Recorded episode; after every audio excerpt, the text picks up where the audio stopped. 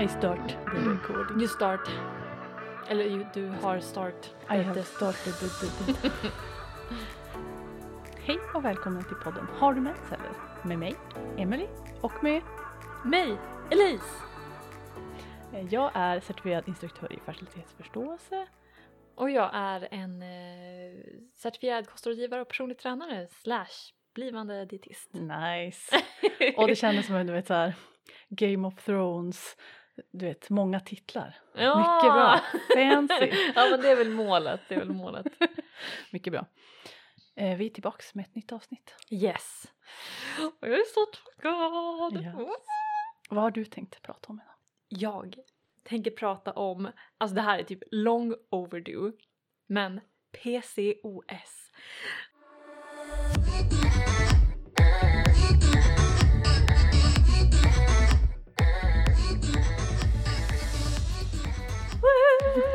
Och det känns, ni som kanske har lyssnat länge bara, "Ah, du har faktiskt pratat om PCOS. Ja, om mig själv. Men Men vi har inget eget avsnitt för det. eller? inget eget avsnitt. Så nu, Skämmes. nu jäklar, nu händer det. Mycket bra. Mm. Jag tänker att jag ska flika in i det här eh, Ja. avsnittet och sen så har jag en liten eh, möjlig överraskning på slutet. Vi får se om vi hinner. Perfekt. Men först, Men först, cykeldag. mm, vill du börja? Jag kan börja. Hur är läget med mig? Hur är läget med dig Emily? det, det var inte så jag menade.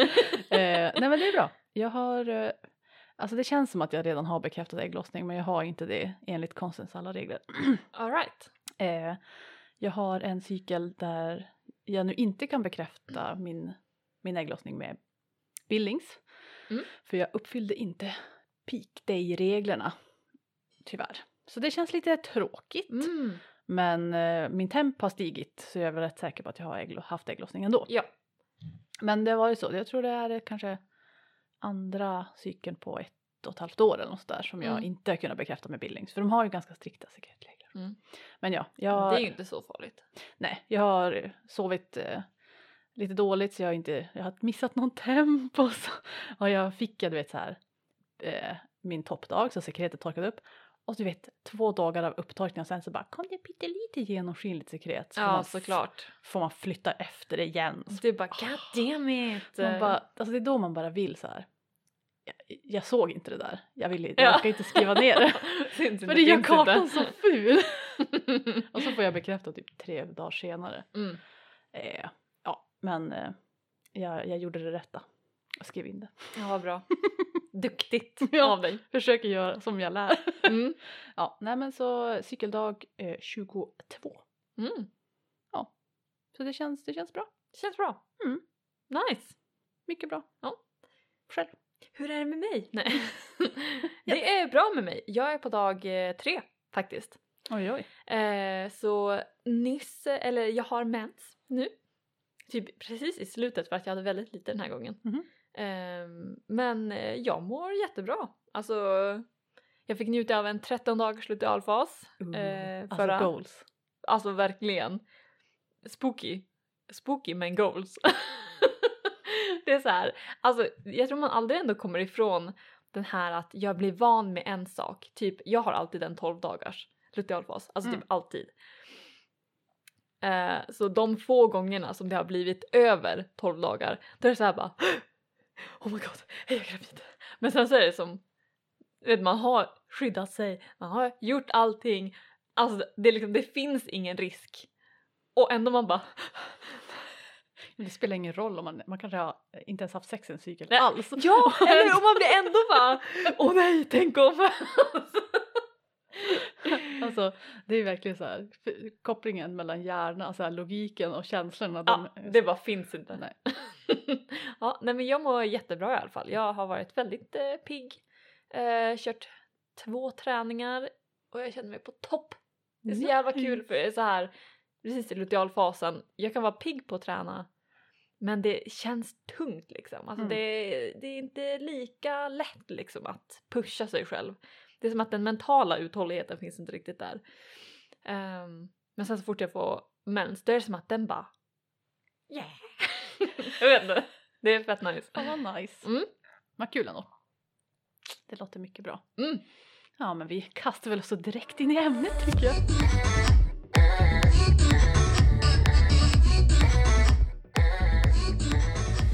Tänker att du får hålla i taktpinnen lite grann. Det kan jag väl För försöka. du är väl, eh, eh, du är ju som typ expert på det här nu. Både personliga erfarenheter. Ja men det kan man väl säga. Nej. Okej, expert skulle jag definitivt inte kalla mig. Men i alla fall eh, påläst. Men eh, väldigt påläst inom, eh, alltså målet är väl att bli en expert inom ett område. Men alltså när är man expert inom någonting? Nej, det är väl väldigt odefinierbart. Ja, eller hur? Så jag känner bara... Det är så, Ja, jag det, har är- det är blivit... bara imposter syndrom på det där. Alltså jag tycker fortfarande inte att jag är en expert på det jag ens forskar i typ. Alltså det är ja, ju så här, alltså jag vet, med en doktorand. Hur länge hade du pluggat nu? Nio år? ja, Ja. master plus då. Ja, alltså så jag vet ju att jag är det egentligen. Men det är som ändå så här man bara, det finns ju de som vet mer än mig. ja, eller hur? Men det är den här jävla kurvan. Ju Ja. mer man vet desto, min, desto mer vet man att man inte vet Ja. saker. Exakt. Mm. Men ja, eh, Vissa skulle kalla mig expert. Inte jag dock. Eh, men jag kan jättemycket om PCOS. För att dels jag har PCOS, jag har arbetat med, eh, ja jag kan ju säga det nu till en början, Ehm, om, jag vet inte om jag pratar så mycket om, om det i podden, om företaget Overlay. Jag jag tror tror inte vi har nämnt det någon gång. Nämnt det någon gång. Jag har i alla fall samarbetat med ett nystartat företag som heter Overlay. Checka in dem. Vi kommer säkert länka dem någonstans. Mm. Ehm, och de har riktat in sig för de vill göra en digital lösning för kvinnor och livmoderbärare med PCOS. Yes. Ehm, för det som är så coolt med PCOS det är att livsstilsförändringar är första liksom, behandlingsalternativet. Så då är deras grej att de vill ja, men ge det, den tillgången till kunskap och allt sånt där enkelt.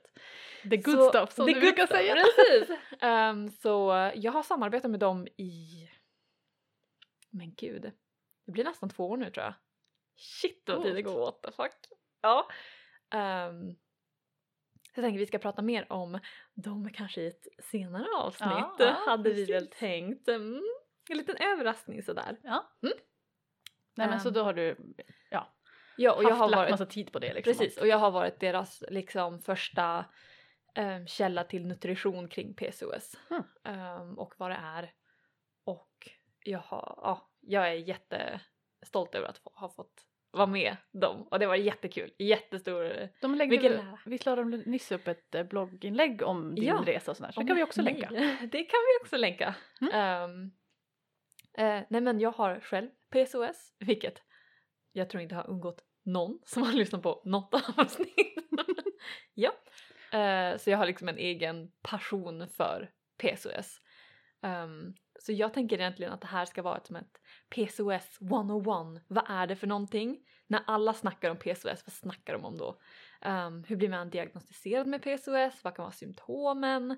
Ehm, och mycket så här grundläggande att vad är det som händer egentligen i kroppen?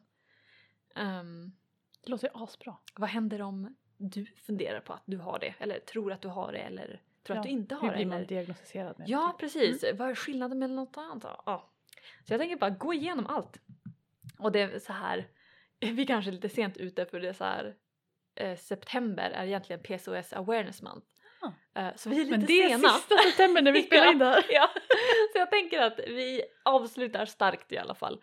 Ehm, men bättre sent än aldrig känner jag. Det är väl ett aktuellt ämne året runt. Mm, precis, precis.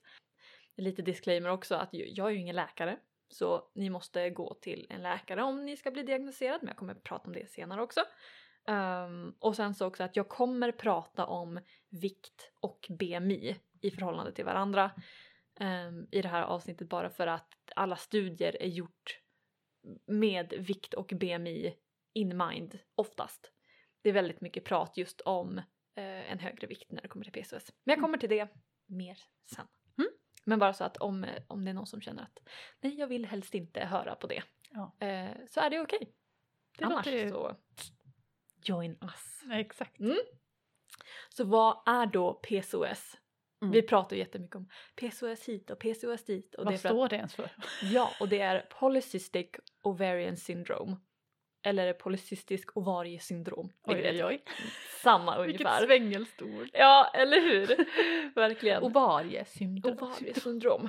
eh, och som man definierar det är egentligen att det är ett komplext syndrom som framförallt eh, är om en obalans i hormonerna. Och då är det mest testosteron man tänker på. ehm, men även lite så insulin. Och LH-FSH. Det kommer jag prata lite senare. Men det är liksom, ja. Det är svårt att Oftast testosteron, man, eller man pratar om androgener. Då menar Ja. man testosteron va? Ja, manligt könshormon liksom. Kallar man det oftast. Men androgener är bättre, Mm. bättre alternativ tycker jag. Eh, och det drabbar faktiskt ganska många. Alltså om vi eh, tar medel, medelprocenten så blir det ungefär 15 procent av alla liksom eh, livmoderbärare som de har. menar man då hela livet eller menar man typ, eller jag vet inte ens om det är så, du kanske ska säga det. om det är att man, har man PCOS forever eller kan man liksom ha det och sen bli av med det? Mm. Det är ju det som är att eh, det är ju det som är lite svårt med det här också. Jag kommer till det lite senare så här. När, hur får man PCOS? Ja. Varför får man PCOS? Ehm, så man kan ju få det i olika delar av livet. Okej. Mm. Ehm, så du, om du har det när du är 30 kanske du inte har det när du är 40. Mm.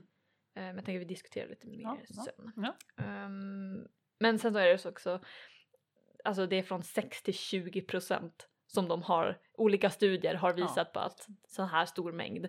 Så det är ju ganska brett. Men ändå stort antal hur som helst. Det kan, ja, jag menar om det ändå är 6 procent, ja men det är 6 procent som, Jättevanligt alltså. ja, det är mycket vanligare än vad man tror. Eh, det är många som upplever eh, eller har PCOS men går odiagnostiserade. För att det är så här, of, alltså många blir diagnostiserade med PCOS när de försöker skaffa barn. För att det är en av de ledande orsakerna till infertilitet om man säger så. Of course. Of course. Vilket vi kommer, eh, man kommer förstå det sen när det, vi får höra diagnosen eh, och vad det innebär liksom. Eh, men sen så är det jättemånga som blir diagnostiserade med PCOS och inte har PCOS. Framförallt unga. Eh, Men det hela den där grejen, alltså bara att det inte är ett problem. Ens fertilitet är inte ett problem förrän man blir gravid. ja, Alltså, det, och eh, det här är ju liksom ett, det påverkar inte bara fertiliteten PCOS utan det är liksom hela kroppen som det kan påverka och det kan öka risken för många saker, typ metabola syndromet och hjärt och kärlsjukdomar och ja, jättemycket sånt så man tycker att det borde vara mer. Men det är därför livsstilsförändringar är första behandlingsalternativet. Eh, Men jag tänker, hur får man då den här diagnosen på polycystisk ovariesyndrom? Um, och vad man går efter när man diagnostiserar, om man går till en läkare eller gynekolog, eh, eller de är samma, men ja. Eh, det är att de går efter Rotterdam-kriterierna. Och det är, det blev typ internationellt 2018, tror jag det var. Om det- eller Jättenyss ju. 2016. Eh, ja, eh, det kan vara att den kom 2016 men internationella riktlinjer för behandlingsalternativ kom 2018, jag minns inte exakt. Um, anyway, hyfsat nytt. Eh, liksom om man tänker diagnostikmässigt. Ja. Ehm, och vad det innebär då, det är att det är tre stycken punkter. Man ska upp, uppfylla två av dem i någon form. Ehm, så vi har, den första är ovariedysfunktion, alltså vad innebär det? Typ oregelbunden mens. Ja, typ svårt att ägglossa. Alltså, Svårt att ägglossa. Eh, man kan också kalla det oligoamenorré. oj oj oj. Mm. Ehm, och då är det vi många gånger har snackat om att vad räknas som en oregelbunden mens, vad räknas som en onormal menstruation liksom. Så de räknar det ändå från eh, mindre än 21 dagar och över 35 dagar. Och Eh, varierar mer än... Eh, och det vet jag inte. Nej, Jag tror inte de har det just i, men utan det är mer hur många man har. Så om du har färre än åtta menscykler, alltså Per åtta år eller? mensar, de går ju efter den synliga mensen. Ja. Ehm, eller om du har mer än 90 dagar mellan menstruationerna. Ja, just det. Så det, är- det är många liksom olika, men alla som säger samma sak att har du en liten wonky menscykel. Mm. Ja, men Eh, har man jättelånga eller jättekorta cykler så är det ju oftast någonting som är ägglossningen är lite. Precis, då Hormonellt ägglossning kaos. är lite vajsing liksom. Ehm, och sen så har vi det som det är döpt efter, polycystiska ovarier. Nummer två alltså. Ja, och vad innebär det? Ehm, och det är egentligen att om man har sett en bild på äggstockarna, att det är som pärlor kallar de det. Eller de beskriver det som pärlor och det är egentligen att det är många, många små äggblåsor som är omogna. Och eftersom vi har så långa menscykler där ägglossning, jag brukar kalla det att ägglossningen är i limbo. Mm. Det kommer ingenstans men det är ändå som, det är bara där. Men det blir att de blir Håller på. stimulerade så att de, De blir växer stimulerade, till ja. äggblåsor ändå. Precis. Ja, för jag, tänker, eller jag tänker som att helt omogna ägg, de syns inte, de är så små. Mm. Utan de måste liksom försöka ägglossa så att de blir en Precis. äggblåsa. Mm. Men de kanske inte kommer hela vägen då. Exakt så. Och man kan även se, ehm, för vissa kanske inte, det gör man via ett ultraljud i alla fall. Um, oftast ett vaginalt ultraljud så man går in liksom. Men om man inte vill göra ett vaginalt ultraljud så vet jag att man kan göra ett bara liksom utanpå magen. Och då kollar de inte på äggblåsorna för då syns de inte. Men då kollar de på eh, storleken på äggstockarna. Så Ja. äggstockarna kan vara förstorade. Vilket då också kan räknas inom det här eh, polycystiska ovarier. Mm. För det är ju många äggblåsor tar plats. Ja. Mm. Och sen så har vi hyperandrogenism, Nummer tre. nummer tre. Eh, och det är ju förhöjda nivåer av testosteron, eller androgener. Ehm, och som sagt, du ska ha minst två av de här för att få, två av tre av, Så för att typ. få en diagnos. Oregelbunden mens, eh, många äggblåsor eh, Mm. och hög androgen testosteronnivå. Mm. Någon av dem. Tre. Ja. Två av tre. Två tre. precis, precis. Så vi kan ta typ jag. Jag har ovariedysfunktion och jag har polycystiska ovarier. Mm. Eller hade då jag fick min diagnos i alla fall. Nu var ju det ganska länge sedan. Mm. Ehm, men du kan också ha polycystiska, polycystiska ovarier och hyperandrogenism. Mm. Och det kan ju vara lite spännande. Ehm, det finns att man kan, det är ganska ny forskning dock, att gå in på fenotyper av PCOS. Mhm. Ehm, Alltså varianter. Ja, så varianter inom själva syndromet. Men jag tänker inte gå in på det idag utan det tar jag för ett, ett annat Mm. avsnitt. Men bara att det finns och alla de här är olika fenotyper. Så Ja, men beroende fattar, på, har man vilken kombination om där man har ger ju olika symptom. Liksom. Precis. Eller hur det uttrycker sig. eh, men vanligast är ju att man har typ allt. Ja. Ehm, More or less. ja, more or less precis. Men alltså en fråga. Ja, kör. Den här eh, eh, pärlbandet av eh, eh, ja, men pärlbandet av äggblåsor då. Ja, För jag tänker varje ägglossning så mognar ju många ägg. ja. Även fast man bara får ett som Precis. blir dominant i slutet och ägglossar och så. Mm. Så jag tänker att precis innan ägglossning har inte alla det då? Nej, utan då blir det som en vanlig ägglossning liksom. Att det blir ett dominerande ägg, ja eller två Ja, beroende ja, ja, såklart på precis. chansen. Eh, men vi säger ett för enkelhets skull. Men då blir det att ett går vidare. Ja, man ser ändå inget pärlband liksom. Nej, Även om man tittar precis innan ägglossningen. Nej precis, eh, nu ska jag inte säga för att jag inte är läkare. Jag, ehm, som jag vet så ser de ju det att eh, om ett ägg är större än alla andra Ja, då blir det ju näst, oftast naturligt att de andra slutar ja, ja och ett tar över. Mm. Ehm, Ja, okej. men Mm. det är ju det att det går längre mellan de här perioderna. För att det är lite wonky i eh, hormoner. Mm. Och bland annat, eh, det som inte är ett kriterie men som man ser hos PCOS det är att vi har förhöjt LH vilket är luti, luteins, Luteinizing hormone. Precis. luteiniserande hormon. Jesus Christ. Min hjärna fick stroke där. Det, det är ett långt konstigt ord. Det är ett konstord. Luteinizing hormon, är- det är mycket enklare på engelska. Jag säger det aldrig på svenska. Eh, det är i alla fall att man har högt D i förhållande till follikelstimulerande hormon. Eh, Så vi har alltså högt av hormonet som säger ägglossa nu, släpp ägget. Ja, Och lite av eh, äggmogna, eller var det tvärtom? nej precis, du har rätt. Lite av äggmognarhormonet Mm. och mycket av nu ska du ägglossa Ja. hormon. Och det är det som blir krångligt då. Mm. Att vi, det är därför vi kommer i det här limbot för att kroppen säger åt att du ska ägglossa men vi har inga mogna äggblåsor liksom. Vi har inte ett De är inte moget redo liksom. Nej, de är inte redo och om det liksom inte... Ja, det blir bara knas helt enkelt. Och sen nu, eh, om jag har förstått det rätt, som i många sådana här hormonfeedback, loopar och grejer så blir Mm. det ju som om, om kroppen skickar sådana här, de hormonerna är ju som paket typ eller brev. Mm. Eh, och som säger så här, gör det här, gör det här och kroppen inte gör det, då kommer den bara skicka mer och mer och mer för att den Mm. bara hallå för fan lyssna nu på vad jag säger. Ja. Typ. Ja, precis. Och det sker ju typ lite liknande med östrogen. Så högt östrogen kan ju också vara en, liksom, en vanligt förekommande grej hos dem med PCOS. Mm. Då är det ju eh, liksom äggstockarna, de producerar ju lite östrogen och de bara hello och sen så säger hjärnan hello och så fortsätter de där och bara ökar på varandra liksom. Ja, men det var i alla fall diagnosen PCOS. Det är vad det är. Så vad kan det då ge för någonting? Om man har de här liksom, grundkriterierna, vad kan det ge för symptom Mm. överlag liksom? Ja, vi har ju oregelbundna cyklarna, Ja. Mm.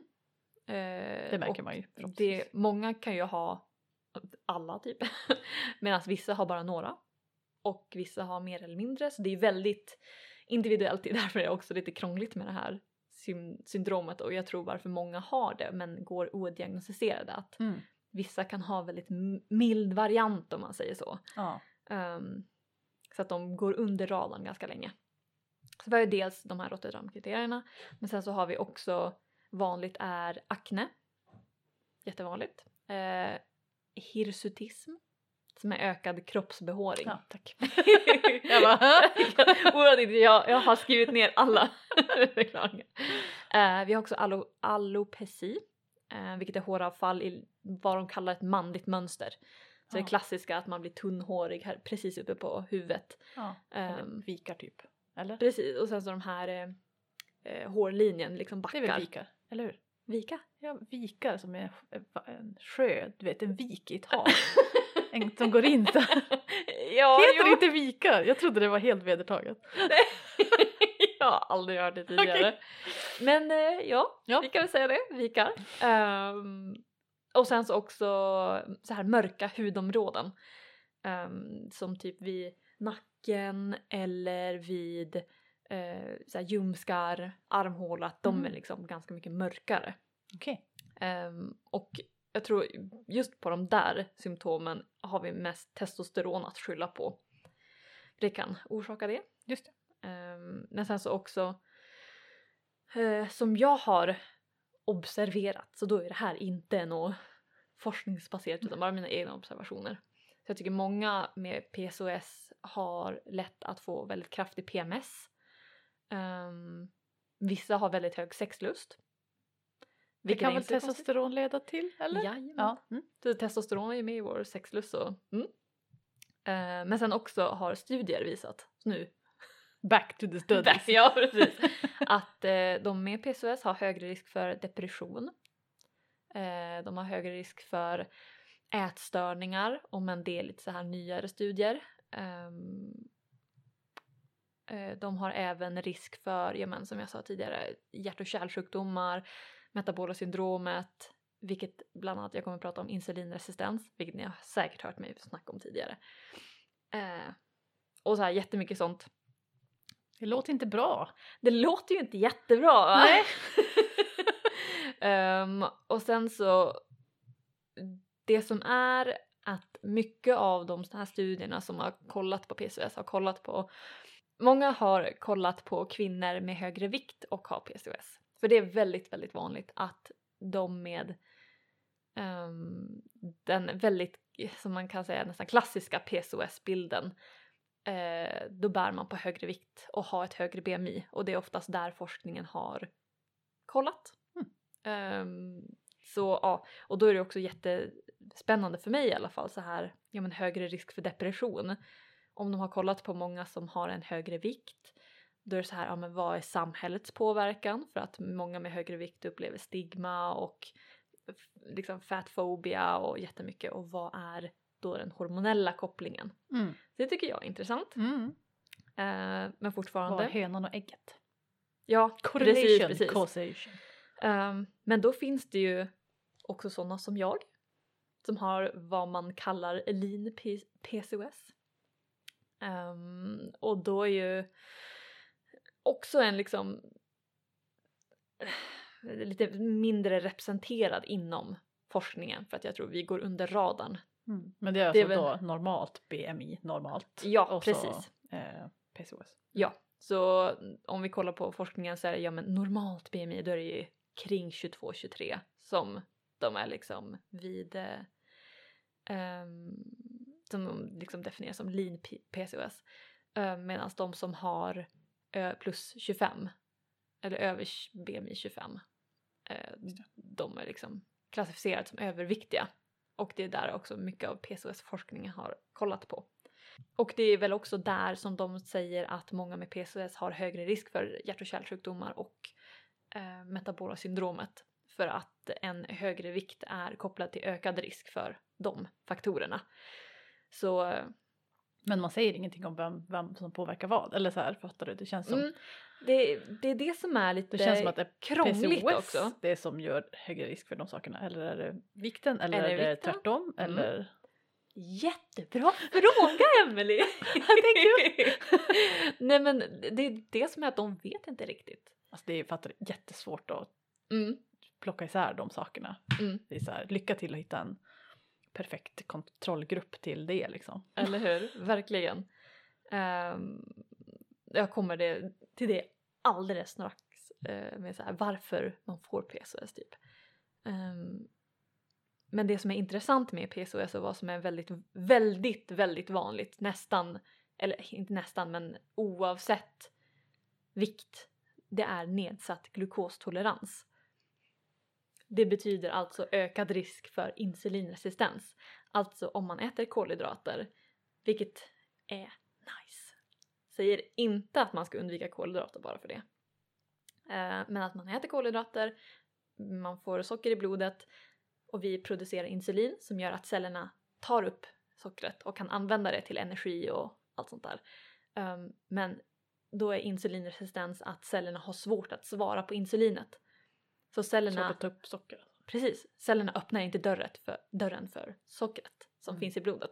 Jag tackar för den här. Eh, Jag gillar att det var som tre nivåer av så här förklaringar som blev mer och mer lättförståeliga till slut. Jag bara, ah, Där, jag förstår det. Men det är jättebra, alltså det känns som att man blir blind efter ett tag om man läser någonting mycket. Och, ja.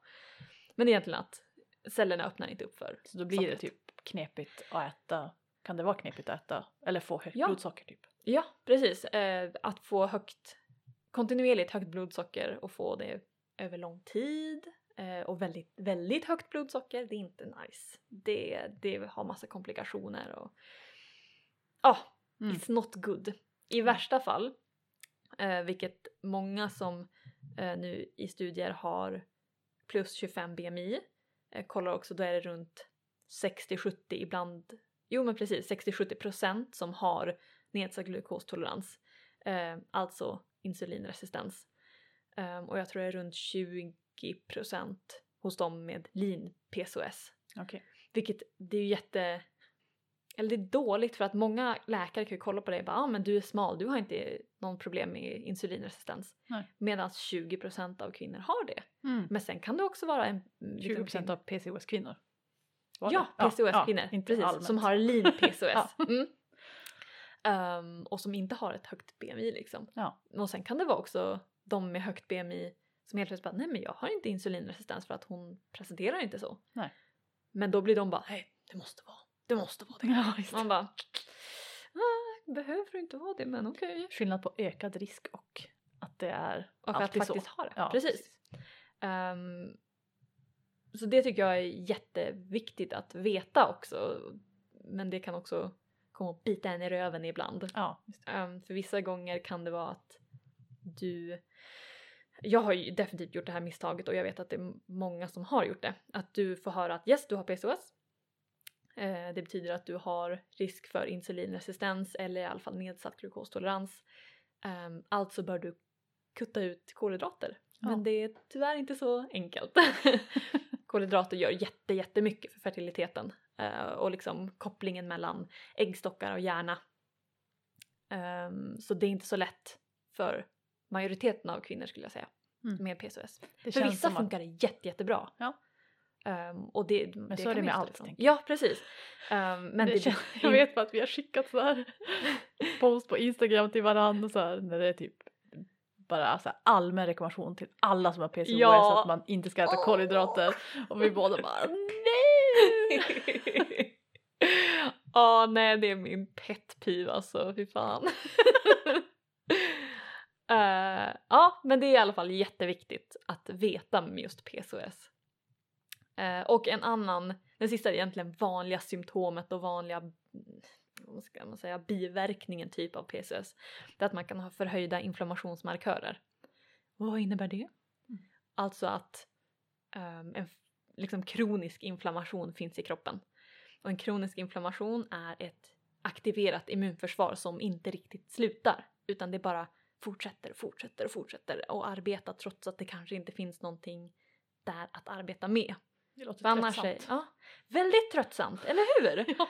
Ehm, och det gör ju liksom, för vårt immunförsvar är gjort för att om det är typ skadade egna celler eller främmande celler som blivit Virus och grejer. virus och bakterier och sånt där. Då ska ju immunförsvaret kicka igång och attackera dem eller bara äta upp dem och ta bort dem. Men om det då blir en kronisk inflammation att vi kanske inte har någonting av det i närheten då kan det bli, jag vet jag beskrev det för dig tidigare men så här collateral damage typ. Ja just det. Att det blir skada liksom, på friska celler. Eh, och det är ju inte så nice. De vevar sin batong lite väl Lite brett. väl brett. ja, eller hur? Ehm, eh, ja, så det, man kan ha förhöjda um, CRP-värden som är C-reactive protein. Oj, oj, oj. Jätte, jättevanligt. Man kan alla kalla det även snabbsänka. Ja. Det kanske känner igen? Nej. Nej. Nördnivån är oh, hög nu. I like it. Men kanske någon som har gjort de här. Ja, ah, men Mm. det där känner jag igen. Ja men exakt. Eh, så CRP, även TNF-alfa, också en inflammationsmarkör. Ja. Eh, och interleukiner. det är ändå coolt att man inte- kan mäta det tycker jag. Jättehäftigt va? Mm. Precis. Det är ju hur immunförsvaret aktiveras. Oh, jag kan det här nu. Ehm, nej men ja, och allt det här kan ju störa ägglossning och liksom öka testosteron bland annat. Eller öka androgener. Det är egentligen det som är med vad får man för problem egentligen Mm. för, av PCOS. Ehm, så då är det hur får man PCOS Ja. som du snackade om tidigare. Yes.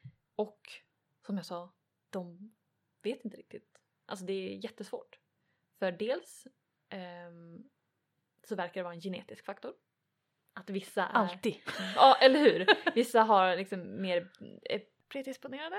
Ja. Ehm, gud, svårt ord. Man är så medfött högre risk typ. Ja, Ja. Eh, och då är det liksom att du har specifika gener som kodar för ett visst responstyp. Mm. Ehm, det bland annat verkar det vara, eh, om jag minns rätt, ja, men bland annat i insulinsvar. Mm. Eh, Men lite, jag tänker det är så många kopplingar där. det är där det kan bli någonting. alltså det är, FSH, LH, östrogen, Ja. bla bla bla. Alltså så här. ja och androgener också och det är liksom det är inte bara en gen, bara det här är PCOS-genen, utan det verkar vara som en, en som sagt ett komplext syndrom. Det är aldrig så enkelt. Mm, I wish. Ehm, men det verkar också vara, eller det verkar, det är också så att om du har en högre vikt och möjligtvis gener, vi vet inte, eh, men så kan du få PCOS av eh, insulinresistens. Det är lite så här som du sa, vad, vad är hönan och vad är ägget? När, Mm. Vilket kom först? Är det insulinresistens som orsakar PCOS? Eller har vi PCOS som orsakar insulinresistens? Mm. Så det verkar vara både och. I olika fall. Ja. I olika mängd. De verkar i alla fall vara, hänga ihop Korrelerade. sätt. Yes. Och det är också en av liksom behandlingsvägarna. Många säger bara ah, men viktnedgång på 5-10% av vikten. Ehm, och då har de ju oftast pratat om de med högre BMI, vilket funkar ju inte riktigt för de med lägre BMI. Nej. Eh, och jag skulle säga att många, som sagt, många med PCOS har högre risk för ätstörningar just på grund av den här anledningen att de kan få att ah, du måste gå ner i vikt Mm. och sen så får de ingen mer hjälp av det. För oftast så kan de få diagnosen av läkare, eller de måste ju få diagnosen av läkare. Och läkare är ju inte utbildade i att ge kostråd. De kan ge enkla kostråd och liksom se över med dem. Deras expertis är ju inom medicin och mer nitpicking och Diagnostiken. Liksom. ja, Ja, precis. ehm, och då är det jättesvårt. För alltså de blir ju utkastade och bara ah, jag har PCOS, jag har ingen aning om vad jag ska göra. Och gå ner eller ändra sin vikt varken upp eller ner är ju inte det är så lätt för de flesta. Nej, och speciellt inte med insulinresistens och typ ja, men ökad inflammation, eh, ökat stress och insulinresistens är alla tre faktorer som kan göra det jättesvårt att gå ner i vikt. Mm. Ehm, Det låter som en, eh, ett recept för eh, jobbigt ät, jobbigt med mat. liksom. ja, jo men tyvärr, tyvärr ja. Men det är i alla fall ett råd som man kan för, stöta på då i alla fall. Alltså Ja. att eh, gå ner i vikt i alla fall. Mm. Och eh, man förstår, alltså jag förstår ju varför, för att forskningen visar ju på att det förbättrar ägglossning, det förbättrar inflammationsmarkörer, det förbättrar ja, men allt inom PCOS. Men då har de ju också många gånger kollat på kortvarig viktnedgång, eh, svårt att... Jag vet faktiskt inte hur mycket långvariga studier som har gjorts på just viktnedgång. Mm. För det är det som är att du kan ju ha jättebra effekter av viktnedgång men om den inte håller så är det ju ett problem.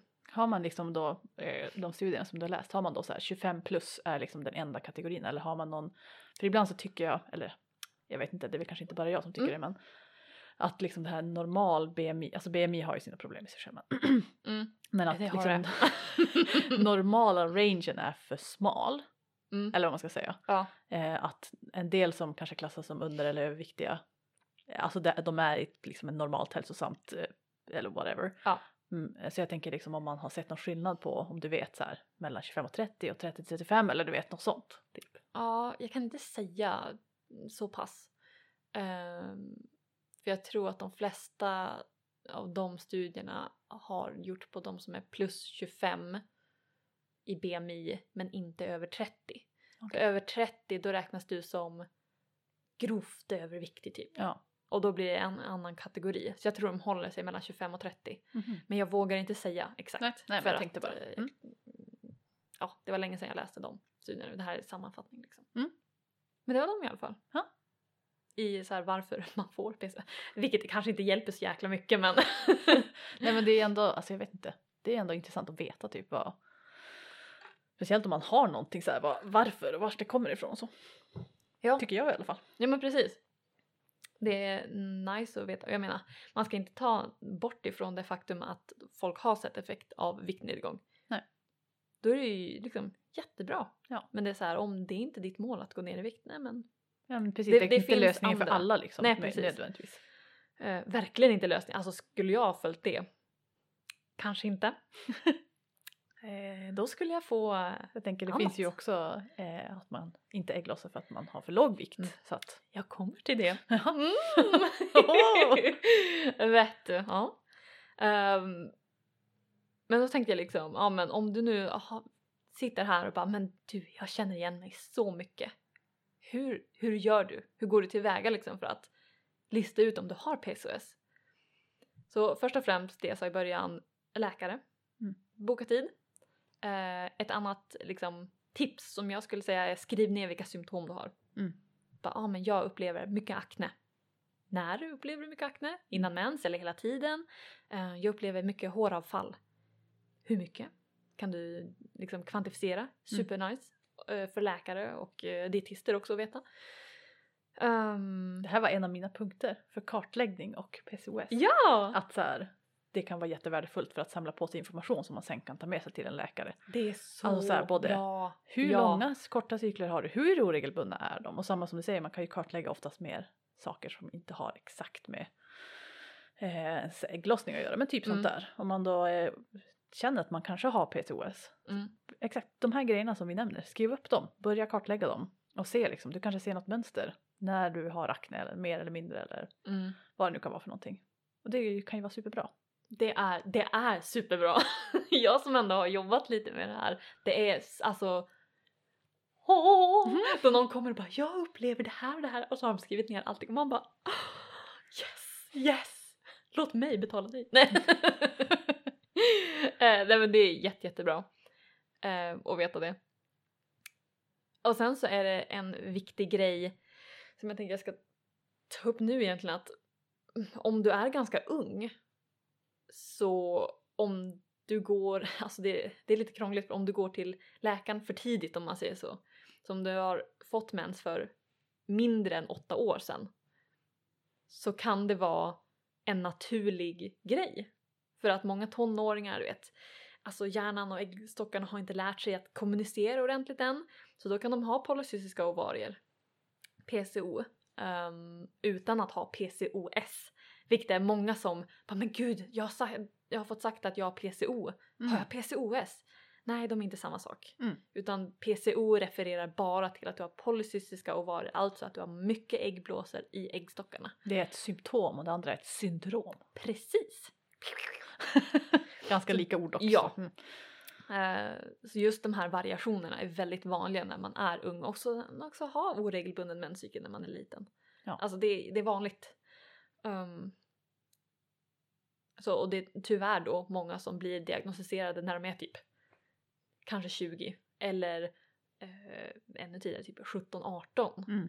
Och så bara, "Ja, men du har PCOS. Vi måste se till så att du typ inte går upp så mycket i vikt och vi måste se till att ha dig på p-piller. Man bara Nja! Inte Medans- rekommenderat av Elise. Nej. eh, utan man ska ha p-piller av en annan anledning i så fall men inte för att liksom reglera mensen för att då, då slutar du ju ha kommunis- liksom, kommunikation mellan hjärna och äggstockar. Mm. Då slutar du ägglossa helt och då kan det ta ännu längre tid innan. Ja. Så. Att pausa och blunda för någonting löser inte problemet. Nej, tyvärr. Eh, det är bara liksom en liten heads up egentligen. Mm. Eh, Nej men det var en jättebra poäng ju. men sen Absolut. också boka tid hos gyn. Eh, bara kör. Och sen så att se till att du får både ultraljud och blodprov. Det är väldigt, väldigt viktigt. För om vi går tillbaka till de där kriterierna. Det var eh, ovariedysfunktion, alltså oregelbunden mens. Det kan man ju mäta Hypoandrogenism. genom kartläggning då. Precis. Hypoandrogenism, vilket är för höga androgener, Blodprov. kan du bara se med blodprov. Och polycystiska ovarier. Ultraljud. Yes. Ja. Mycket Och som bra. sagt, du behöver inte ha ett eh, vaginalt ultraljud om än det är... Jag vill inte säga att det är att föredra för jag, jag kan inte bedöma sånt. Eh, men det är vanligaste metoden. Mm.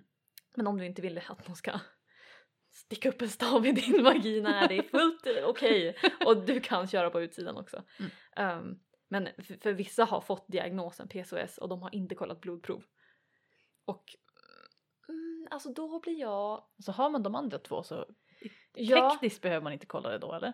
vad sa du? Om man har liksom de andra två bockar man i Mm. oregelbundna cykler och eh, PCO då. Mm. Då måste man egentligen inte ta ett blodprov. Ja, ja.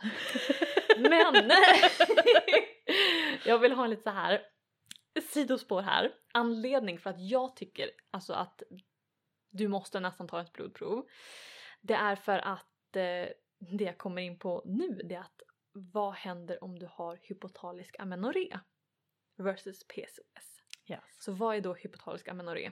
Det är oregelbundna menscykler, alltså en nedsatt fertilitet, men då är det för att du har en energibrist. Det är orsaken som Det är är, orsak- men man kan ha samma symptom. Mm. Precis. Väldigt, väldigt liknande symptom. Du kan ha polycystiska ovarier, PCO alltså. Du kan ha oregelbunden mens, du kan ha eh, ökad behåring. Det låter Anyway. väldigt lika i alla fall. Det är jättelikt och det är jättemånga som blir diagnostiserade med PCOS när de egentligen har HA som Mm. vi kan kalla det. Det är så krångligt för ibland säger man hypoandrogenism, då är det HA. Och Aha. ibland så är hypotalisk amenorré, då är det HA. Ehm, ja, anyway.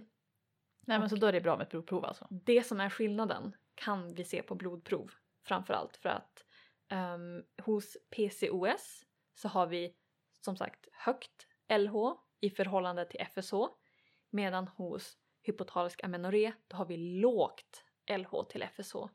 Mycket Vilket inte är så konstigt för att om vi har en nedprioriterad fertilitet på grund av att kroppen säger att nej, vi har inte energi för det. Mm. vilket är rimligt Mm. om man har för lite energi, ehm, då kommer alla andra hormoner också vara låga. Ja. Och då kan vi också få risk Då har vi inte för... den här att den skriker att du ska ägglossa Nej, nu. Typ. precis, utan då säger den no bitch. Chill. Ehm, och då har vi också typ lågt östrogen, vilket ännu bättre om du har ett blodprov för då kan ju läkarna säga ah, shit du har lågt östrogen, hur äter du tillräckligt egentligen? Mm. För det är jättevanligt. Mm. Ehm, många inom idrott eh, får hypotalisk amenorré på grund av så hög träningsmängd och sen får de inte i sig energin de behöver. Mm. Ehm, och då, Ja. Det känns ju också som ett, eh, ett tillfälle för missdiagnos. mycket. Mycket.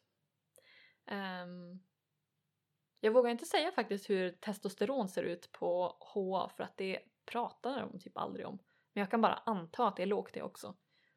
För om kroppen nedprioriterar fertilitet och prioriterar den alltså inte alls. Alltså sexlust? Nah. Nah mate. Så då måste du nästan Det ha känns lågt. väldigt kontraproduktivt att ha jättehög sexlust Ja, när man inte ska få barn. Nej, precis. Så jag bara antar att det är lågt. Och då har man även risk, eh, som jag sa, eh, då har man eh, lågt östrogen också. Vilket ökar risken för benskörhet. Mm. För östrogen är nice för våra ben. Den här triangeln. Ja, precis. Aha. The Female Athlete Triad. Yes. Se vad du kan! Jag har väl lärt mig någonting av att göra den här podden i några år. Ehm, ja, och det är så här. Det pratar vi med i något avsnitt om träning och Ja, precis. menscykeln. Ja. Ehm, och sen, jag tycker det är så spännande också för typ ökad behåring kan man få av olika anledningar. Och många som har energibrist de får ökad behåring för att de, kroppen vill hålla sig varm. Alltså ändå gulligt. Ja. Alltså på något sätt. Eller så då kan man bli som, man kan nästan se lite luden ut om man säger. Mm. Just för att kroppen försöker håll, behålla så mycket värme som möjligt utan att behöva producera värme. Det låter ju rimligt. Smart, Ja. eller hur? Sjukt smart. Eh, väldigt. Så det är därför jag, ja tekniskt sett kan man väl se, alltså man kan få diagnosen utan att ta blodprov men jag tycker verkligen inte att man ska, alltså man ska pusha för att få ett blodprov. Mm. Och kolla på sitt FSH LH. Mycket Bara bra. Att, Mycket bra. bara för att då har man det som en backup också. Och det är ju perfekt också för då kan ju de se östrogenhalter, alltså typ läkarna. Ja. Och dietisterna kan Mm. se hur mycket östrogen har du, hur mycket testosteron, hur mycket av allt har du. Mycket bra, Det är mycket bara bra. så bra. Ehm, man kan också se typ eh, som vi pratade om med så glukos, alltså blodglukos och eh, insulin, att man har ett högt fastinsulin hos PCOS. För som sagt, då har vi ju, alltså insulinet har svårt att acceptera som man säger så. Mm. Så det ligger kvar och bara blir inte använt. Sockret kommer inte in i cellerna så Mm. då syns de i blodprovet. Liksom. Eh, ja, Typ. det också. Men också att man har högt, eh, ett an, alltså Insulinet är högt i att också. insulinet är högt, Okej. precis. Så att det som rullar runt i blodströmmen utan att användas typ. Om man säger så. Enkelt sagt. Eh, Medan det är lågt hos H. För att då har vi ju inte så mycket energi. Att göra oss av med. Det är ändå bra att det finns sätt att eh, urskilja dem eftersom att de har väldigt olika orsak. Då. Precis. Och det är som Eller HA har i alla fall en tydlig orsak, även fast kanske PCOS inte är världens tydligaste orsak. Ja, nej men precis. Och jag menar det är ju lite, eh, för många kan det ju vara enklare om man, om man förenklar hela proceduren att eh, få i sig mer energi än att försöka så här, anpassa kolhydratsmängd till individen. Ja. För man vill ju fortfarande ha kolhydrater men vissa individer klarar inte så högt och då måste man anpassa med andra så här protein och fett på ett så här väldigt, det är det som jag tycker är intressant men det är också det som kan vara väldigt svårt medan för um, de med HA är det ju mest att bara du ska äta. Mm. Du ska äta och vila Må. typ. Må.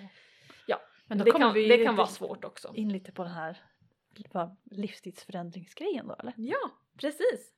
Så om du nu sitter här med oss och bara jag har redan fått min diagnos i PCOS. Kom till the content! ja, eller eh, Jag kommer göra er lite besvikna. Va? Kommer du inte säga att det här är mirakellösningen? Nej. I would never. Eh, men jag tänker att jag kommer ta upp mer om livsstilsförändringar i ett annat avsnitt. Mm. Eh, bara för att det, det är mycket. Ja. Eh, men som jag pratat om eh, alltså kolhydratsmängd, ja, det är en jättestor påverkan och det är någonting som man vill lära sig mer om. Ehm, men oftast är det att testa sig fram. Och det är det som jag tror Ja, blir... det är ett sånt där jättejobbigt råd. Ja, fy fan alltså. Men alltså jag, jag skulle ju rekommendera att ta hjälp av någon som kan. Alltså se till så att du får i dig tillräckligt med energi. För att vi vill inte få energibrist. För att du kan. Du kan ha HA och PCOS samtidigt. No! Eller att du kan liksom gå från PCOS, gå in i en så här dietande Ja. och sen få HA. Mm. Tror inte du är säker. Det låter lite dystert det här. ja, nej men så jag tycker ju alltså om du kan bara diskutera med någon, ta hjälp av någon liksom. Mm. Bara men så här är det. Sen kan du testa ditt insulin om du verkligen tror att men shit jag har jätteproblem, jag får eh, jag blir liksom snurrig och jag blir jätteargsint, jag blir trött innan jag äter, typ symptom på lågt blodsocker. Mm. Eller jag blir vad heter det, får hjärndimma, jag blir lite yrslig, jag blir lite illamående typ eh, efter jag ätit Mm. måltider med högt kolhydratvärde liksom. Ehm, så kan du ju, alltså då tycker jag man ska gå och kolla sig om det är liksom så pass. Ehm, och sen så måste jag ju tyvärr på grund av att det är en procentuell skillnad i om man har en högre BMI så tycker jag också man borde kolla om man nu tyvärr, alltså jag är ju inte sånt stor fan av BMI Nej. på individnivå. Jag förstår, alltså eh, på populationsnivå, absolut. Eh, och som som en liksom, översikt. Men man ska inte stirra sig blind på det. Nej, men jag tänker man Verkligen vet ju om man själv har en sån typ av kropps, liksom, typ att man kanske är, har väldigt mycket muskelmassa eller man är Ja. väldigt lång eller väldigt kort eller någonting. Alltså då, då, det vet man ju då själv att så här, reflektera det här BMI faktiskt en hälsosam vikt eller ohälsosam eller för hög vikt för mig eller inte. Jag tänker att det, det kan man nog ändå bedöma själv. Alltså Mm, ändå så här, är det här, ja. känns det som en rimlig sak för mig att gå ner några procent eller inte? Ja, precis. Och jag menar, alltså jag tycker att du kan göra jättemycket livsstilsförändringar utan att behöva fokusera på viktnedgång. Och du kan alltså fokusera, det är därför jag pratar om blodsockerbalans, alltså jag snackar ju alltid om det. Och Mm. det är viktigt för vem som helst egentligen när det kommer till eh, fertilitet. Men det är extra viktigt för dem med PCOS. Just Mm. för att vi har högre risk för en insulinresistens och sämre glukos liksom, hantering. Ehm, men bara det jag brukar istället för att bara men sänk din kolhydratsmängd. Nah, men testa att byta ut kolhydrater. Typ istället för vanlig ljus spaghetti kan du ta fiberspaghetti. Ehm, istället för ljust bröd kan du ta mörkt bröd. Men det här nyckelhålet är nice. Mm. Superenkelt också. Och bara liksom byt, testa byta ut saker. Du behöver inte ändra kolhydratsmängden men bara testa byta till mer fiberrikt. För mer fibrer ger ett långsammare stigning av blodsockret. Inte också om man kombinerar kolhydraterna med protein Ja! och eller fett. Blir det också långsammare då? Ja! alltså vet du vad som hade varit roligt? Om jag så här gör ett quiz för dig. Och Vi kan göra quiz lär- varandra. Ja! Honestly, ja. Det skulle vara jättekul. Ja, vi gör det. Vi, har, vi gör prov. Precis. Hur mycket har vi lärt oss Så här, eh, två, eller hur många var så här, avsnitt 40 eller du vet 50 eller någonting Ja. så här. Mm, Eller hur? Ja. Mycket bra idé. Ja, ehm, men det är så här allmänt, jag tänker man kan ju googla på det så här balansera blodsocker typ tips. Ja. Eh, och testa, bara implementera någon sån grej. ja. Ja, så här, om man har typ en frukost som havregrynsgröt då och vi säger Mm. att man hivar i lite jordnötssmör eller någonting. Alltså typ bara, det behöver Mm. inte vara så himla Det stor grej, behöver typ. inte vara så svårt. Jag jag ta, kommer ta upp det mer sen i senare avsnitt. Men Mm. som du säger, alltså, det behöver inte vara att du måste ändra om din hela kost. Mm. Och sen så får du aldrig äta en banan mer. Det är verkligen inte så. Alltså det, nej. Jätteohållbart också. Ja, mycket. Eh, Nej men då ser vi fram emot mer Mm. specifika tips framöver. ehm, så det är egentligen det som jag tänker att jag nämner nu. Mm. Och sen också att det är jävligt individuellt. Ja. Och det kanske inte hjälper så himla mycket. så här. Det beror på. Eh, Ni vet, ni får inga svar i den här podden. Vi bara säger det beror på. Eller hur? Ja, nej men, Men- så det är egentligen, Med komplicerade saker är det ju oftast så. ja. Men ja, som jag sa tidigare, testa dig fram.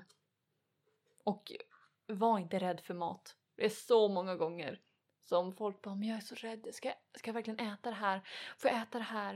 Eh, men ska jag inte undvika det här? Och man bara, nej. Alltså rädslan stress. för mat är oftast tusen gånger värre än själva maten. Om du nu inte är specifikt allergisk mot det, då är det inte jättenice att äta. typ du och gluten. då, då kan det vara något annat. Mm. Men alltså många gånger, nej. Nej. Det är inte så jävla farligt som folk får att låta. Nej. Och jag tänker här kan man ju också använda, alltså om man nu ska göra den här testa sig fram grejen. Mm. Då kan man ju också faktiskt försöka skriva ner det då och se. Det är Ja. ju ganska svårt annars att Ja. veta om det gör skillnad eller inte. Alltså man kan ju lätt koka ihop saker i sitt eget huvud och tro att man gör en förändring och sen så Mm. händer det någonting. Så det är himla smart att ibland skriva ner saker. Ja. Jag menar, Eh. det är perfekt. Jag menar, om du inte vill börja förändra någonting, bara testa skriva ner saker. Som Mm. du sa, att Ser man sina okej mönster. nu eh, käkade jag ett äpple och jag kände, jag mådde bra. liksom. Ja Att är typ en halvtimme innan du äter, eh, en till två timmar efter du äter, under tiden ibland. Mm. Så här, hur känner du under dagen? Och kolla humör och mycket sånt där. Ja men det Mm. kan väl säkert vara jättevärdefullt. Så här, jag tänkte på, när jag tänkte på PCOS och så här kartläggningsgrejer så vi pratade ju om oregelbundna cykler eh, nyss. Förra avsnitt, för förra avsnitt. Ja. Ja, precis. Så många liksom av de sakerna blir ju samma. Alltså att eftersom Mm. att ett så tydligt symptom då är oftast oregelbundna cykler så blir det ju som det problemet man ska Mm. överkomma om man ska använda liksom sin menscykel då i Mm. preventivsyfte också. Så det blir den där svårigheten att ägglossningen blir ju mycket mindre, alltså den är aldrig förutsägbar egentligen, men alltså den Mhm. blir ju mycket mindre eh, så här, ja men att den alltid hamnar, hamnar ungefär likadant. Ja, Så precis. man får ju vara lite mer vaksam då på Mm. när det kan dyka upp för det. Det kan ju vara så här, ja men du har en 28 dagars cykel och sen har du en 105 dagars cykel då eller någonting. Japp. Eh, så det blir hela den här grejen med långa fertila fönster och ja, ja, så precis som vi pratade om förra gången. Eh, men sen så tyckte jag det där med eh, förhöjd LH var lite spännande att om man har PCOS då är det en del metoder använder ju eh, hormontester också som ett en fertil, eh, Mm. vad säger man, markering, markör. Ja. Och då kan det ju bli ett fel och dåligt. Mm. Alltså att du kan ju få eh, positiva LH-test lite när de kanske inte ska vara positiva till exempel. Mm. Och Ja, sånt. det är mycket möjligt. Eh, och vissa sådana här fertilitetsmonitorgrejer och sånt som går på olika hormonnivåer kan ju också bli lite vajsing då. Mm. Så de kan ju vara eh, Ja, jag tyckte det bara var lite intressant och Mm. så här, det är inte jättevanligt i Sverige att använda de här typen av metoder. Alltså det är ju Marquette och så finns det den här Clear Blue Mon- Monitor. Mm. Eh, Ja. Men som använder dem. Eh, så jag tror inte att det är jättevanligt i Sverige men jag tycker ändå det är lite så här kul att det finns ju metoder som, som använder till exempel sekret och hormonnivåer då. Och Mm. då kan det ju vara värt att Kan det vara kanske inte är den bästa det. metoden då. Jag Nej, vet inte. precis. Ehm, Det kan ju bli jävligt dyrt. Kan jag tänka mig. ja. Ehm, då måste man ju köpa stickor. Ja, exakt. De är absolut mycket dyrare Mm. eh, än att ha en termometer typ. Ja. Men de finns ju i alla fall. Och det leder oss in till kanske hur avslutet var här. Ja. Om den här nya artikeln som vi just upptäckte. Mm. Ska jag hämta. Alltså ni skulle ha sett. Emelie hon, eh, hon hämtade upp mig idag så här, för att, eh, efter en föreläsning och, eh, hon hade skrivit ut artikeln på papper. Och jag bara wow, jag har aldrig hållit i en riktig artikel i pappersform förut. Jag gör ju allting på datorn liksom. Och jag tyckte det var, jag tyckte det bara var härligt. Ja men jag hittade den. Jag sökte, ja men eh, researchade lite för det här avsnittet och då eh, ja, men hittade jag den där artikeln och jag bara det är en ny artikel från 2022. Eh, Färskt. Så jag bara tänkte den här, den måste jag ju, måste ju Mm. lusläsa den. Måste visa den för Elise. jag ska hämta den. Ja. Här har vi den. Fertility Awareness Based Methods for Women's Health and Family Planning. I Frontiers in Medicine heter tidskriften och den är publicerad nu i maj 2022. open access så den är bara att läsa. Wow! Super nice. Mm. Så jag tänker att vi, vi ska nog dyka ner den här och så kanske vi gör ett helt avsnitt om det. Ja tack. Det hade varit superkul. Jämför massa metoder, effektivitet, Mm. markörer. Ja, ja, det jag såg också, för jag, jag har bara tvärkikat i den, men det som jag tyckte var intressant är att de har ju faktiskt så här um, liten problematik med sekret. Att ett förhöjt östrogen kan ge eh, sekret, alltså som en av mer fertil form, hela, alltså större delen av cykeln. Ja. Och det kan komma med PCOS. Som Ja. jag sa, förhöjt för att äggstockarna och hjärnan hejar på varandra. Ja, Liksom. exakt. Så det, det är ju också en grej att tänka i kartläs, eh, kartläggning. Mm. Kartläsning. ja. Ja. Jo, nej men precis. Att eh, det är väl ännu mer då att det blir ännu längre fertila fönster för att du Mm. kanske har mycket, mycket mer sekret än just innan ägglossning och fram till ägglossning. Du Mm. kan ju ha den både efter och långt innan och så vidare. Många sådana här false peaks hit och dit och allt möjligt. Mm. Mm. Nej men så vi gräver oss väl ner den tänker jag. Yes.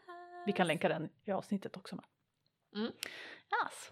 Nej men eh, jag tror att jag lämnar mina diverse punkter till något annan gång. Mm, om du Eh, vill. Ja, så får vi bara tacka för alla som har lyssnat. Hoppas ni Ja. lärde er någonting nytt. Ni tyckte det var kul att hänga med oss.